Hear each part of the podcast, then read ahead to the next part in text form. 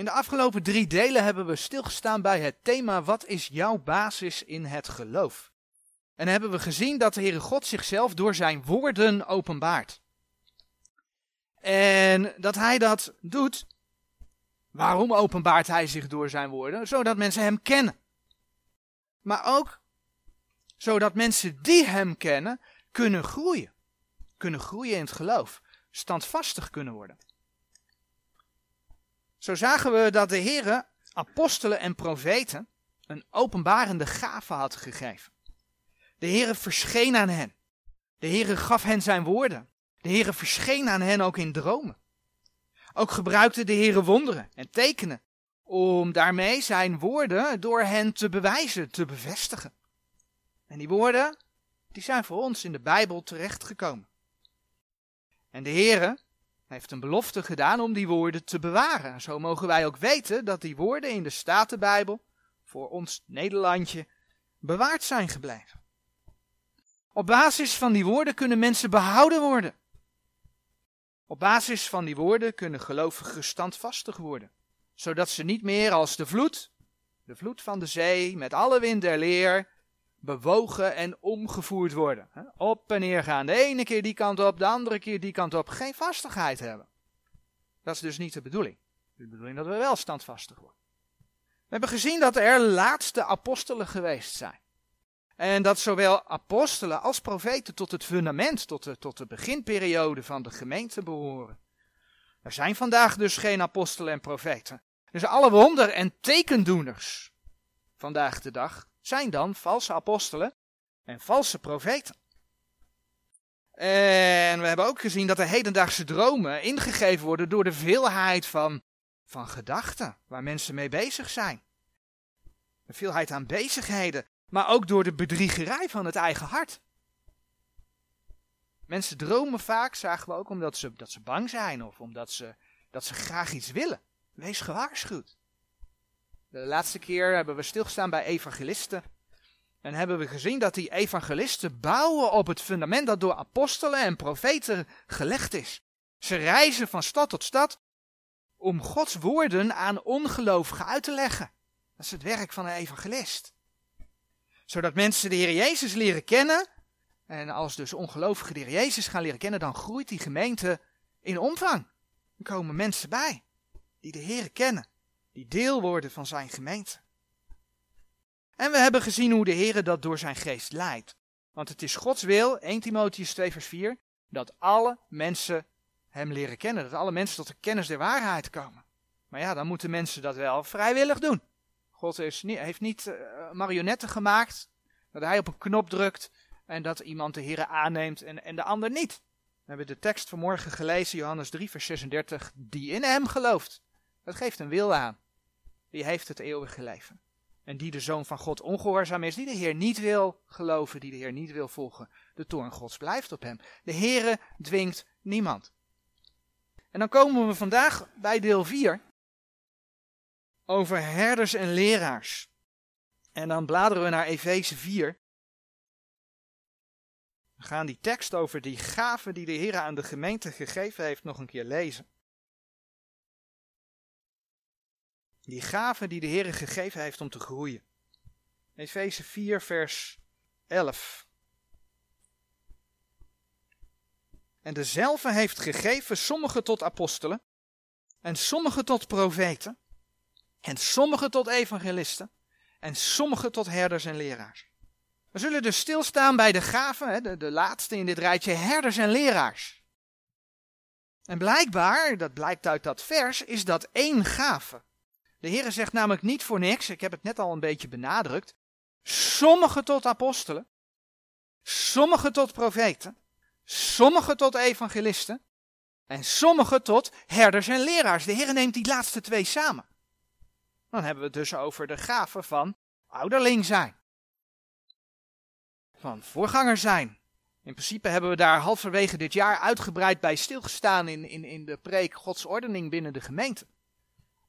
Dat was uh, op 30 mei.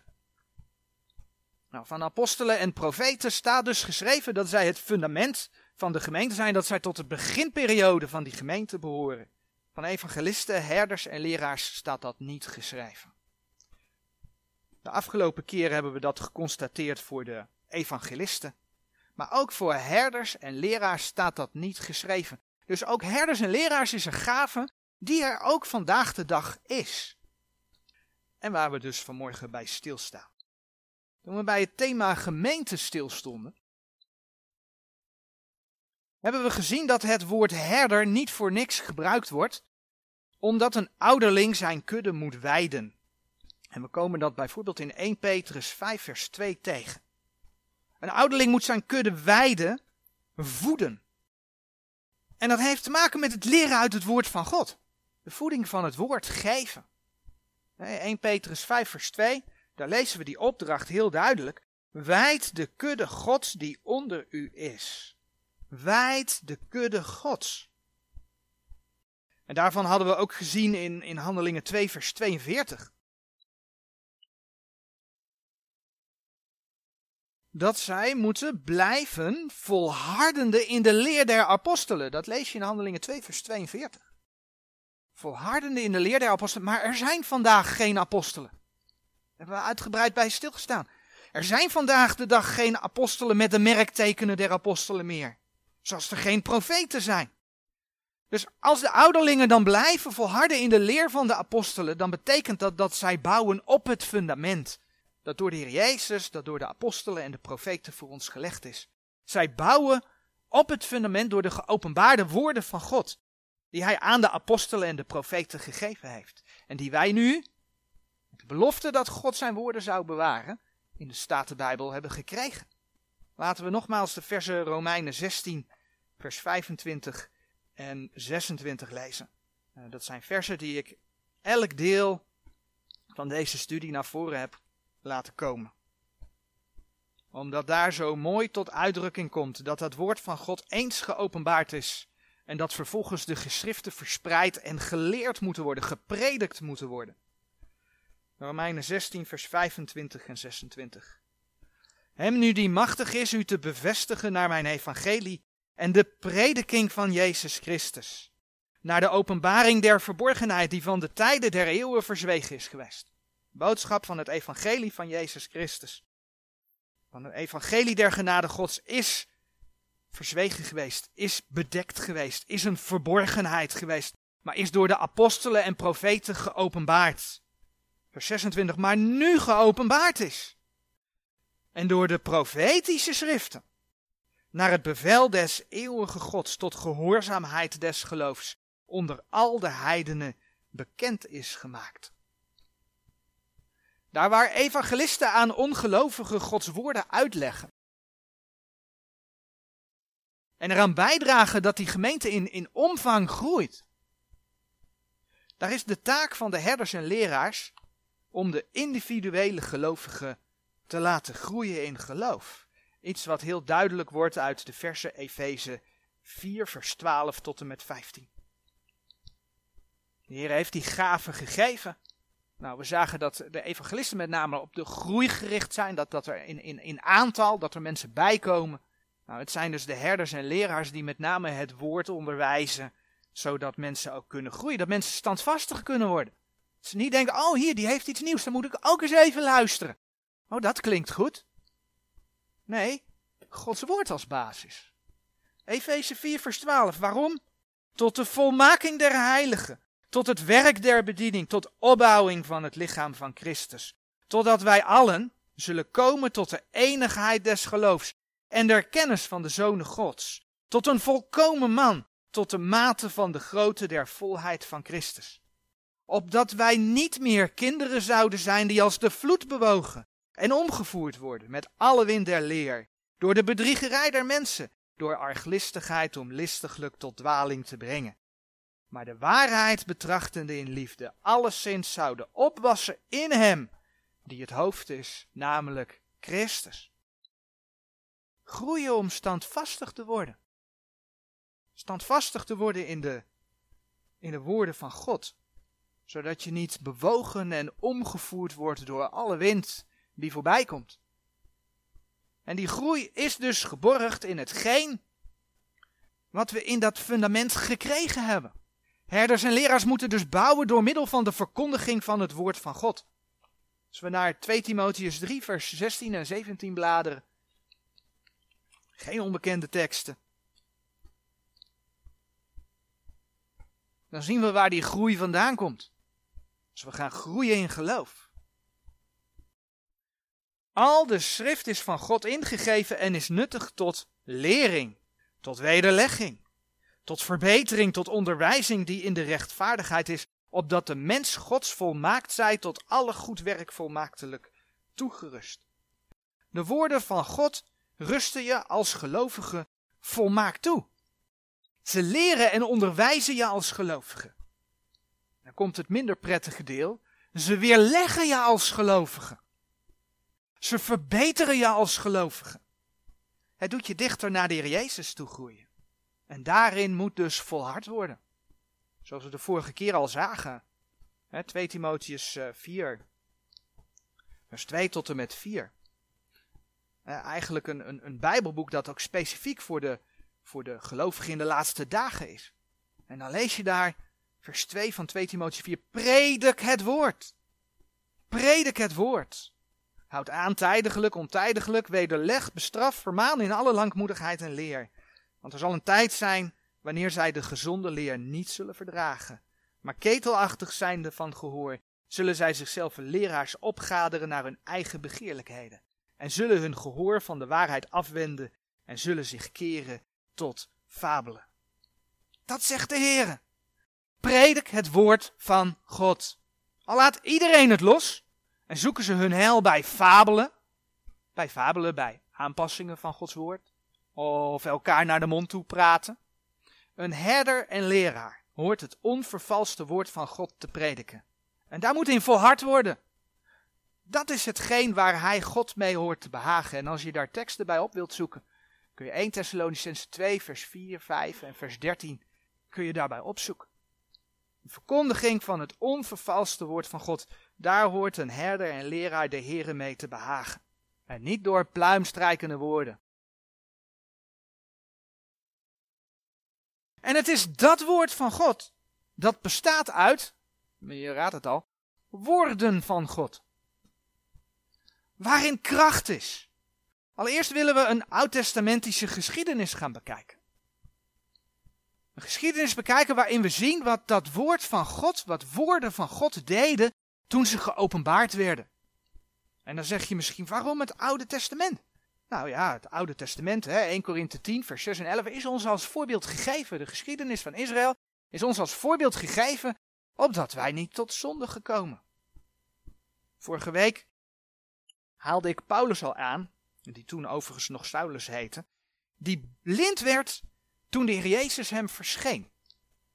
Dat lees je bijvoorbeeld in Handelingen 9, vers 8 en 9. Laten we naar Handelingen 9 bladeren. Paulus werd blind. En uh,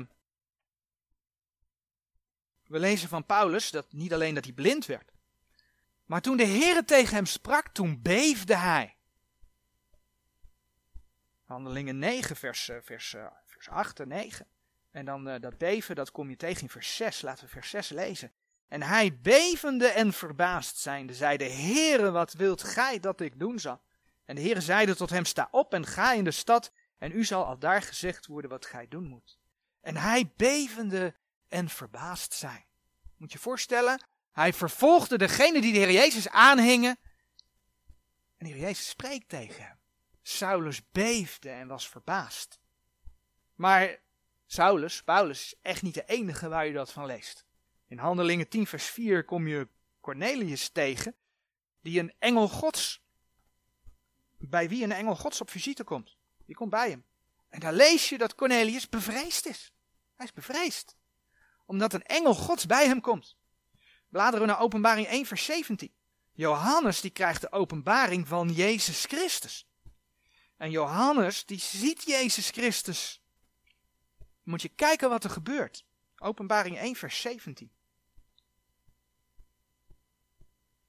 En toen ik hem zag, viel ik als dood aan zijn voeten. En hij legde zijn rechterhand op mij, zeggende tot mij, vrees niet, ik ben de eerste en de laatste. Nou, in die tekst wordt niet het woordje beven gebruikt. Maar ik denk dat de zin, hè, dat hij als dood aan zijn voeten viel, dat dat genoeg zegt. Over de, de, de, de impact die het heeft als de Heere verschijnt. We hebben het gehad over de merktekenen die er niet meer zijn, de, de, de, dromen hè, die, die de Heer aan de profeten gaf, maar dat dat vandaag ook niet meer zo. Denk daar maar eens over na bij die voorbeelden. Als er weer eens iemand komt die heeft weer een droom gehad en het was zo, het was zo fijn, het was zo mooi licht. Denk maar eens aan die bijbelse voorbeelden. Bij dit soort voorbeelden verschillen het Oude en het Nieuwe Testament niet. Het is, het is dezelfde Heer die, die zich openbaart. En daarom kijken we naar de geschiedenis van Mozes die de tien geboden krijgt. Wanneer je de geschiedenis leest van de tien geboden, dan ontdek je al dat het vaak anders verteld wordt. In verhalen, in films. Nou, dan zie je vaak dat Mozes, uh, in, in, in kinderbijbels, dat Mozes één keer de berg op gaat en dan naar beneden komt. Mozes is een paar keer de berg op gegaan. De berg Sinai. Maar voordat hij dan die berg opgaat, lezen we in Exodus 19, vers 16 het volgende. Over dat moment dat de Heere God op die berg neerdaalde. Exodus 19, vers 16. En het geschiedde ten derde dagen, toen het morgen was, dat er op de berg donderen en bliksemen waren. En een zware wolk. En het geluid ener zeer sterke bazuin, zodat al het volk verschrikte dat in het leger was. En in uh, Exodus 19, vers, uh, vers 18, lezen we dan nog. En de ganse berg Sinaï rookte, omdat de Heere op dezelfde nederkwam in vuur. En zijn rook ging op als de rook van een oven, en de ganse berg beefde zeer. Het gevolg van het feit dat dit gebeurt, zorgde ervoor dat het volk vreesde. En vreesde is dan niet een vorm van, van, van, van bepaalde mate van ontzag hebben, eerbied hebben, want dat wordt nog wel eens gezegd. Nee, ze waren gewoon bang. Moet je je voorstellen die hele berg beeft, dat het dondert en bliksemt, dat er vuur is. In Exodus 20, vers 18 en 19 lezen we wat dat voor een gevolg heeft. En al het volk zag de donderen en de bliksemen en het geluid der bazuin en de rokende berg. Toen het volk zulk zag, weken zij af en stonden van verre. En zij zeiden tot Mozes, spreek gij met ons, en wij zullen horen, en dat God met ons niet spreken, opdat wij niet sterven. Dus door de vrees verzochten de mensen om een middelaar. Iemand die voor hun met God zou spreken en die dan de boodschap door zou geven. Ze wilden de Heere ja, zelf niet spreken. Nou, als je die geschiedenis leest, dan is het niet vreemd dat je dus in, in andere plaatsen in de schrift, hè, de enkele voorbeelden die ik noemde, dat je dan leest dat mensen beven op het moment dat de Heere zichzelf openbaart. En nee, dan hebben we het niet over ongecontroleerd beven, hè, dat mensen de controle over de spieren kwijt zijn omdat ze in een bepaalde vorm van extase zijn. Nee, daar hebben we het niet over. We hebben het over mensen die beven omdat ze vrees voor de Heer hebben. Je ziet hem al staan. En zelf. Die vraag kun je namelijk jezelf ook stellen. Vrees je de Heer? Enerzijds hoef je als kind van God de Heer niet te vrezen. Ik bedoel, vanmorgen hadden we het er nog over dat je, als je de Heer Jezus kent, dat je vrede met God hebt. Hoe mooi is dat niet? Maar anderzijds kennen wij die grote God, die hemel en aarde gemaakt heeft, geschapen heeft. Die grote God die laat beven en ook laat vergaan. En dat vergaan van de aarde is nog toekomst, hè? 2 Petrus 3 vers 10. Maar het gaat wel gebeuren. En dat lijkt misschien heel dubbel, maar dat is het niet. Mozes die zei het al tegen het volk Israël in Exodus 20 vers 20. En Mozes zeide tot het volk, vreest niet. Zie je dat? Vreest niet. Want God is gekomen opdat hij u verzocht en opdat, dan komt hij, opdat zijn vrezen voor uw aangezicht zou zijn, dat gij niet zondigdet. Dus enerzijds zegt Mozes, vreest niet. God is voor jullie gekomen. Maar het heeft zo'n impact dat ze God vrezen. En de bedoeling is dat ze daardoor niet zondigen. Ik lees de tekst nog een keer. Mozes zeide tot het volk, vrees niet, want God is gekomen opdat hij u verzocht. En opdat zijn vrezen voor uw aangezicht zou zijn, dat gij niet zondigdet. Vrees voor God mag je tegenwoordig eigenlijk niet zeggen. Want dan krijg je te horen, ja, mensen moeten toch niet bang worden voor God. De Bijbel laat zien dat vrees voor God mensen tot bekering doet komen. En het is de Bijbel die laat zien dat vrees voor God in het leven van een kind van God er ertoe aanzet dat het kind van God hem ook dient. Het is namelijk niet het vriendje van de buren, buurjongetje waar je lekker mee buiten speelt. Maar wij hebben een heilige God. Ik kom straks op Filippenzen 2 vers 12 tegen, waar ook tegen de gemeente gezegd wordt dat wij met vrezen en beven ons behoud uitwerken. En zo is het gewoon. Nou fijn, terug naar Mozes. We weten dat het volk Israël, hè, Exodus 32, eigenlijk, ze hadden dit allemaal gezien, meegemaakt, gezegd, Mozes, spreek jij met God? En wat doen ze? Gaan een gouden kalf maken. Exodus 32. Maar zijn wij mensen, hè? Wij zijn ook heel snel vergeten. Als God ons geholpen heeft, er komt een nieuwe moeilijke situatie aan, zijn we heel snel vergeten dat God ons geholpen heeft. Want hoe moet dit weer? Het volk net zo goed. Ze gaan, Mozes blijft te lang weg en ze gaan een gouden kalf maken. Nou, ga er heel snel doorheen. Het volk wordt gestraft. En Mozes, die stenen tafelen die hij gekregen had, die verbreekt hij. Maar Mozes ging voorbeden doen voor het volk. En Mozes kreeg van de Heer twee nieuwe stenen tafelen met de tien geboden. En als je dan leest, bijvoorbeeld in Deuteronomium 9 vers 10 en 10 vers 4, dan lees je dat die stenen tafelen de eerste keer met de vinger Gods geschreven werden. Dus God heeft die, die tien geboden zelf in die stenen tafelen geschreven. En dan staat er in de teksten die ik uit Deuteronomium aanhaalde, staat er dat het bij de tweede gelijk ging als bij de eerste. Ik geloof dat God ook die tweede stenen tafelen geschreven heeft voor Mozes. Maar we hebben gelezen wat die impact van Gods aanwezigheid was. En het gevolg was dan ook dat het volk Mozes niet meer kon aanzien. En daarvoor gaan we naar Exodus 34. Exodus 34, vers 29 en 30. En het geschiedde toen Mozes van de berg Sinaï afging, de twee tafelen der getuigenis nu waren in de hand van Mozes. Als hij van de berg afging, zo wist Mozes niet dat het vel zijns aangezichts glinsterde toen hij met hem sprak. Als nu Aaron en al de kinderen Israëls Mozes aanzagen, zie, zo glinsterde het vel zijns aangezichts, daarom vreesden zij tot hem toe te treden. Het gevolg is dat Mozes zijn aangezicht bedekte. En dat lees je bijvoorbeeld in vers 34 eh, en 35. Als Mozes met het volk sprak, dan bedekte hij zijn aangezicht.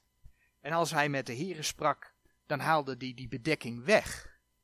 En dan komt het mooie, in vers 33 kun je dat ook lezen in de Statenbijbel, in de King James, de oude Bijbels. In de nieuwe vertaling hebben ze dat omgedraaid. Ondanks dat er in vers 34 en 35 staat dat Mozes zich bedekte als hij met het volk sprak. En de bedekking weghaalde als hij met God sprak. Hebben ze dat in vers 33 hebben ze dat omgedraaid. Theologen weten het blijkbaar beter. Ze draaien het gewoon om. Ook de HSV heeft het omgedraaid bijvoorbeeld. Maar wat zien we in dit gedeelte? We zien heel duidelijk het getuigenis van Gods grootheid, van Gods almacht, van zijn heiligheid. We zien wat dat met de mens doet. Het laat de mens vrezen en beven. Goed, dat is openbaring. We leven nu in de gemeentetijd, laatste dagen, hè, niet begin van de, van de gemeentetijd. Dus uh, dat is verleden tijd. Wij hebben geen apostelen, geen profeten, dus dan zou je misschien wel verwachten dat het ook met het vrezen en beven gedaan is. We hebben toch een God van liefde, dat is wat je overal hoort. Ja, en God is liefde, hè? Laat ik dat direct gezegd hebben voor iemand die toevallig alleen deze boodschap luistert. God is liefde. God is meer dan dat.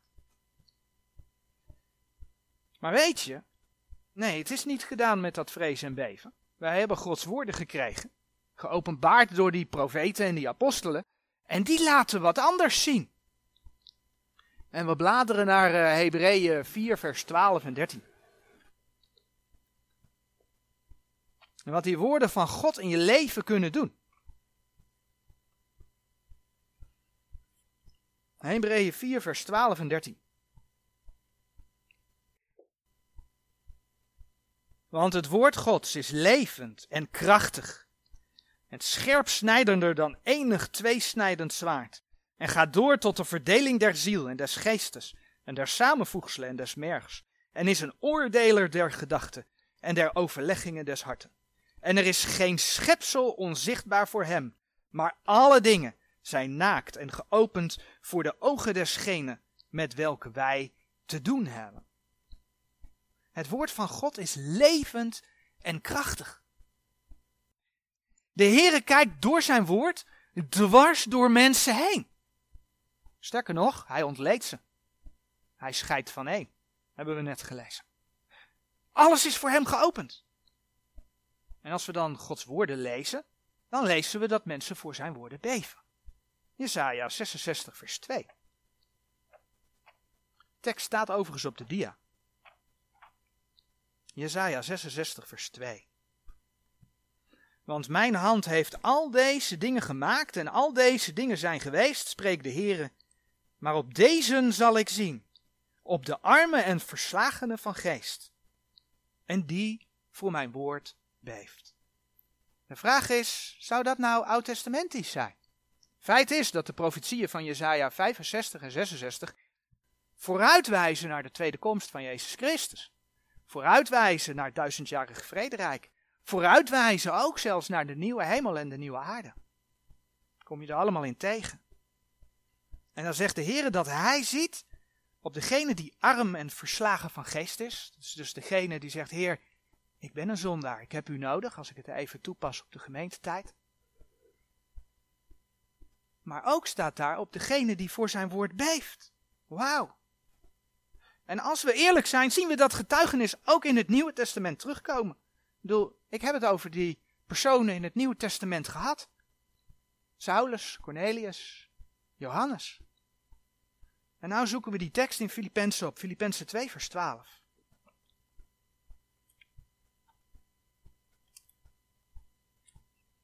Filippenzen 2 vers 12.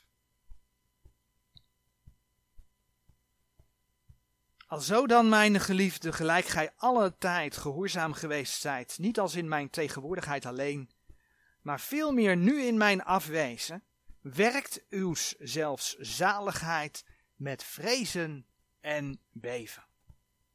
Het is echt niet zo dat je als wederom geboren gelovige voor je behoud zelf moet werken. Efeze 2 vers 8 tot en met 10 is duidelijk.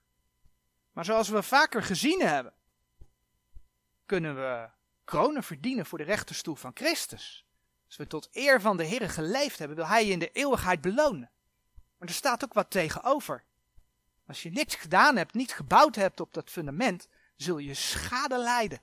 Als je gebouwd hebt met, met hout, hooi en stoppels, verbranden die werken, blijft er niets over, zul je schade lijden. 1 Korinthe 3, vers 13 tot en met 15. En nee, dat is niet het oordeel van de grote witte troon, want daar komen we als gemeente niet. Maar we komen echt voor die rechterstoel van Christus. En daarom word je dus opgeroepen om je behoud uit te werken. Met vrezen en beven. Want we hebben nog steeds te maken met een heilige God. Mag ik dat persoonlijk maken? Beef je voor Gods woord? Maak je dat woord dat levend is, dat krachtig is, maak je dat zelf, jezelf eigen? Moet je je voorstellen dat dat eigen is, die kracht die daarvan uitgaat, wat de Heer zegt, dat het heeft. Dus juist als kind van God. We hebben gelezen dat de Heer zijn woorden heeft ingegeven. Hè? 2 Timotheus 3, vers 16 en 17. Pak die versen er nog maar even bij. 2 Timotheus 3, vers 16 en 17. Dat de Heer zijn woorden heeft ingegeven. Dat staat daar geschreven. Al de schrift is van God ingegeven. Ik ga zo naar de context verwijzen. We hebben gelezen dat die woorden levend en krachtig zijn. Hebreeën 4, vers 12 en 13. Nou, dat ingeven, dat heeft met inspiratie te maken. De Heer heeft zijn levensadem aan die woorden gegeven. En de context van die versen is 2 Timotheus 3 vers 15, waarin Timotheus verwijst dat hij sinds van kinds af de heilige schriften geweten heeft. Als de Bijbel daar over de heilige schriften spreekt, dan zeggen de theologen altijd dat zijn de oorspronkelijk opgeschreven brieven van de apostelen. Nou, ik kan je uh, vertellen, die brieven zijn er niet meer. En als we dan even teruggaan, dat zijn de oorspronkelijke geschriften van uh, de, de profeten in het Oude Testament. Kan je vertellen, die zijn er niet meer. Maar die waren er in Timotheus' dagen ook niet meer. En toch zegt de Heer, en dat gij van kinds af de heilige schriften geweten hebt. Met andere woorden, God beloofde zijn woord te bewaren, Psalm 12, vers 7 en 8. God heeft zijn woord bewaard. En zo is dat woord vandaag de dag in die Statenbijbel in Nederland terechtgekomen. God heeft zijn woorden bewaard. Die belofte gaat dus tot in de bewaarde kopieën. Maar dat betekent dus ook dat die woorden die God bewaard heeft, levend en krachtig zijn. Moet je je voorstellen wat een leven dat het zou zijn als dat originele weg is en als het daarop zou slaan. Dan is er geen leven, dan is er geen kracht. Maar Gods woord getuigt juist dat er wel leven is en dat er wel kracht is. Dat komt omdat Hij zijn woorden bewaard heeft.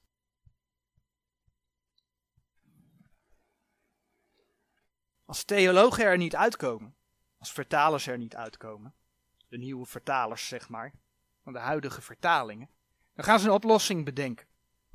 Dan gaan ze andere woorden invullen. En we hebben net een voorbeeld gezien in Exodus, waar men het gewoon omdraait. Men draait het gewoon om in de nieuwe vertalingen. Men laat er dus zelfs een tegenstrijdigheid in staan. Want die versen 34 en 35 van Exodus 34, daar lieten ze het gewoon staan. En in vers 33 pasten ze het aan. Bijzonder. Men gaat dan andere woorden invullen.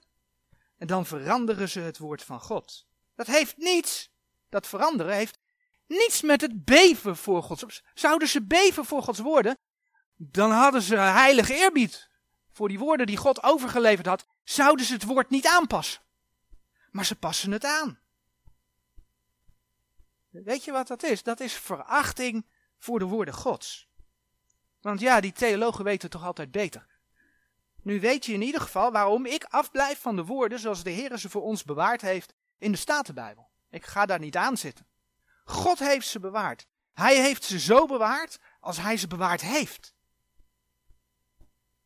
En omdat ik het nu even over mezelf heb, zal ik ook aangeven dat ik heus niet ga zeggen dat ik altijd beef. Want weet je, ook ik ben niet volmaakt. En als ik bij dat vers Jezaja 66 vers 2 stilsta en dat zo lees, dat de Heer ziet op degene die voor zijn woord beeft, dan kom ik tot de conclusie dat ook ik onachtzaam met dat boek ben omgesprongen. Maar hoe meer je gaat zien dat de Heer zijn woorden bewaard heeft, hoe meer je zijn heiligheid daarin gaat zien, hoe meer je gaat beseffen dat je moet beven voor deze woorden, want God laat dat zien in zijn woorden. En als prediker, want we hebben het over herders en leraars, als prediker is dat essentieel. Want hoe kunnen mensen groeien om niet meer als de vloed bewogen en omgevoerd te worden met alle wind en leer, als je niet die vaste basis hebt? Efeze 4, vers 14. En daarom de vraag. Bepaalt het beven voor Gods woorden de keuze van predikers die je beluistert? Ik bedoel, Neem je een prediker die een van de nieuwe vertalingen gebruikt, neem je die serieus? En dan maakt het echt niet uit of het een MBG 51, MBV, BGT, HSV, of de Engelse varianten, NIV, Living Bible, NKGV, de New King James Version, de Engelse variant van de HSV. Maakt niet uit welke je neemt. Ik bedoel, die prediker geeft blijk wat zijn houding is ten opzichte van Gods woord. Die prediker gebruikt namelijk verander de woorden van God. Schrift die vervul, ver, uh, vermengd is met de filosofie van Alexandrië, waar de Bijbel tegen waarschuwt. En toch, toch nemen ze daar kennis van, verwerken ze dat in de producten, in de boeken die ze uitgeven, die ze dan Bijbels noemen. Dus dat zegt iets over de manier waarop hij naar de door God gegeven woorden kijkt. Die prediker acht God niet in staat om door de geschiedenis heen zijn woorden te bewaren. Oftewel, die prediker ontkent de belofte die in Psalm 12, vers 7 en 8 is gegeven. Vandaar dat je die in de nieuwe vertalingen vaak ook aangepast ziet. Dat God de mensen zal bewaren. Nou, als er één grotere leugen is, dan is het dat. Kijk door de geschiedenis heen wat er met mensen gebeurd is. God spaart de mensen niet automatisch. Buiten Jezus Christus om is er geen redding. Die prediker die dus God niet in staat acht om zijn woorden te bewaren, zal ook niet schromen om die woorden aan te passen. Vandaar dat we tegenwoordig in de meeste preken horen, ja maar het Grieks of Hebreeuws zegt. En dan worden we gedragen door de wetenschap. En dan is het goed voor de mensen. De herders en leraars worden opgeroepen te volharden in de leer van de apostelen en het onvervalste woord van God te prediken. En als je dan een leraar gevonden hebt, die Gods woorden wil bewaren, dan is de volgende vraag: hoe ga je daarmee om? Ga je dan dwepen met die leraar? Ga je dan, als je met elkaar over bepaalde dingen spreekt, zeggen: Ja, want uh, dat is naar de leer van. En ik vul even geen naam in. Weet je, dat is niet hoe de Heer het wil. Want die leraar, die mag dan wel Gods woorden bewaren, maar die leraar hoort niet de basis te zijn. Gods woorden horen de basis te zijn. Eigenlijk zoals Paulus tegen de Thessalonicenzen in 1 Thessalonicenzen 2 vers 13 zegt. 1 Thessalonicenzen 2 vers 13. Daarom danken wij ook God zonder ophouden dat als gij het woord der prediking Gods van ons ontvangen hebt, gij het aangenomen hebt, niet als der mensen woord, maar gelijk het waarlijk is als Gods woord, dat ook werkt in u die gelooft. Nog niet zo lang geleden hebben we uitgebreid bij dat vers stilgestaan. In de gemeente Korinthe kwam je het al tegen, er was een namenstrijd gaande. In 1 Korinthe 1 vers 11 en 12 kom je dat bijvoorbeeld tegen. En dat is niet wat de Heer wil. 1 Korinthe 1 vers uh, ehm, 11 en 12. Want mij is van u bekendgemaakt, mijn broeders, door die van het huisgezin van Chloe zijn, dat er twisten onder u zijn. En dit zeg ik, dat een iegelijk van u zegt, ik ben van Paulus, en ik van Apollos, en ik van Kefas, en ik van Christus. Dat is niet wat de Heere wil. Ja, maar mag je dan geen herder of leraar volgen? Ja, ja hoor. Als je in 1 Petrus 5 vers 2 hebben we gelezen. De, de opdracht aan de herders en de leraars, hè, wijdt de kudde gods. Als je dan in vers 3 kijkt, dan zie je dat de herders en leraars als voorbeelden der kudde gegeven zijn. Een voorbeeld is om te volgen. Nou, Paulus zegt het ook in 1 Korinthe 11 vers 1. 1 Korinthe 11 vers 1. En er is nog een vers, dat is uh, wat je er ook bij kunt opzoeken, is Filippenzen 3 vers 17. Maar ik kies expres 1 Korinthe 11 vers 1 in, omdat daar een mooi detail bij zit die wel heel belangrijk is. Wees mijn navolgers, gelijkerwijs ook ik van Christus. Die is heel belangrijk. Paulus die getuigt in Romeinen 7 heel duidelijk dat als hij het goede wil doen, dat het kwade hem bijligt. Wijt hij een heel hoofdstuk aan. Met andere woorden, Paulus heeft dingen gedaan die het licht niet konden verdragen. Want Paulus was mens, Paulus zondigde. En elke leraar op deze aarde is een zondig mens die gered is door Jezus Christus. Anders is hij een valse leraar.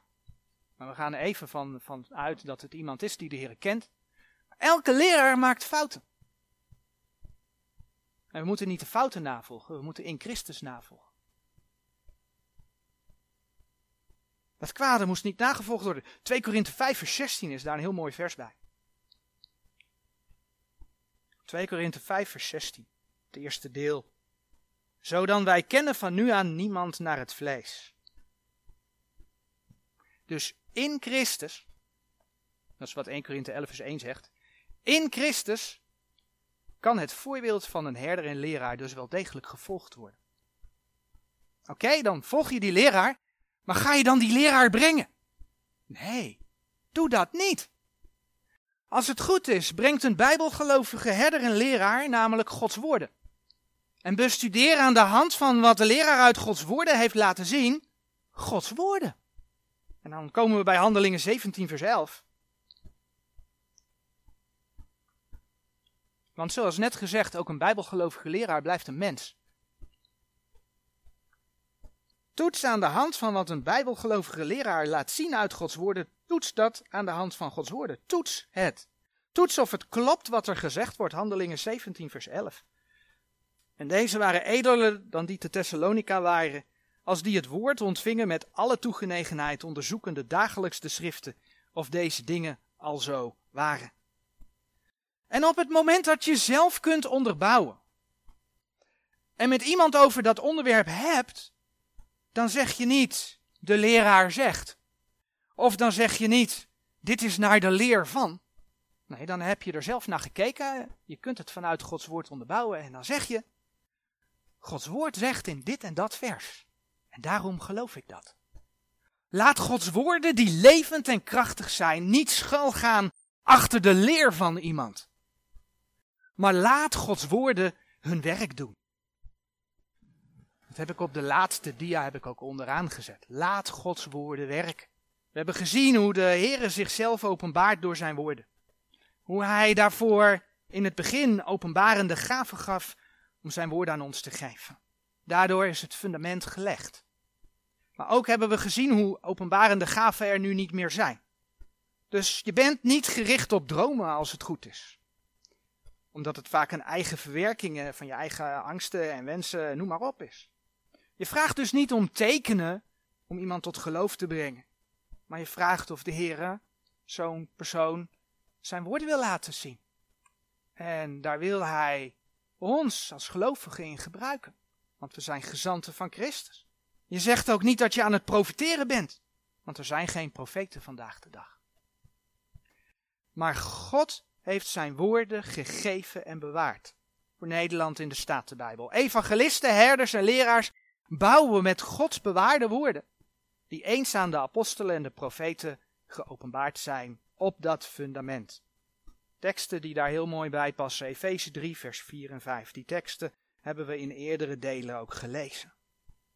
En de Heer geeft nog steeds evangelisten, zodat ongelovigen de woorden van God uitgelegd worden.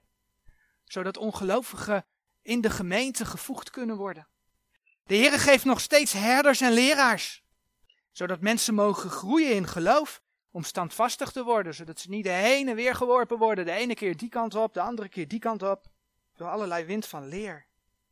En daarom moeten Gods woorden dus ook vandaag de dag onvervalst verkondigd worden. Daarom spreek je niet over de leer van een herder en leraar, maar over Gods woorden. Als je met mensen over Gods woorden spreekt. Oftewel, en die tekst zoeken we als laatste op 1 Petrus 4 vers 11. Laat Gods woorden hun werk doen. Dat lezen we eigenlijk in 1 Petrus 4 vers 11.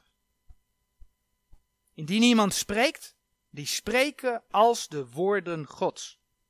Indien iemand dient, die dienen als uit kracht die God verleent, opdat God in alles geprezen wordt door Jezus Christus, welke toekomt de heerlijkheid en de kracht in alle eeuwigheid. Amen. Sluit ik af met de vraag die ik de afgelopen delen gesteld heb. Wat is jouw basis in het geloof? Amen.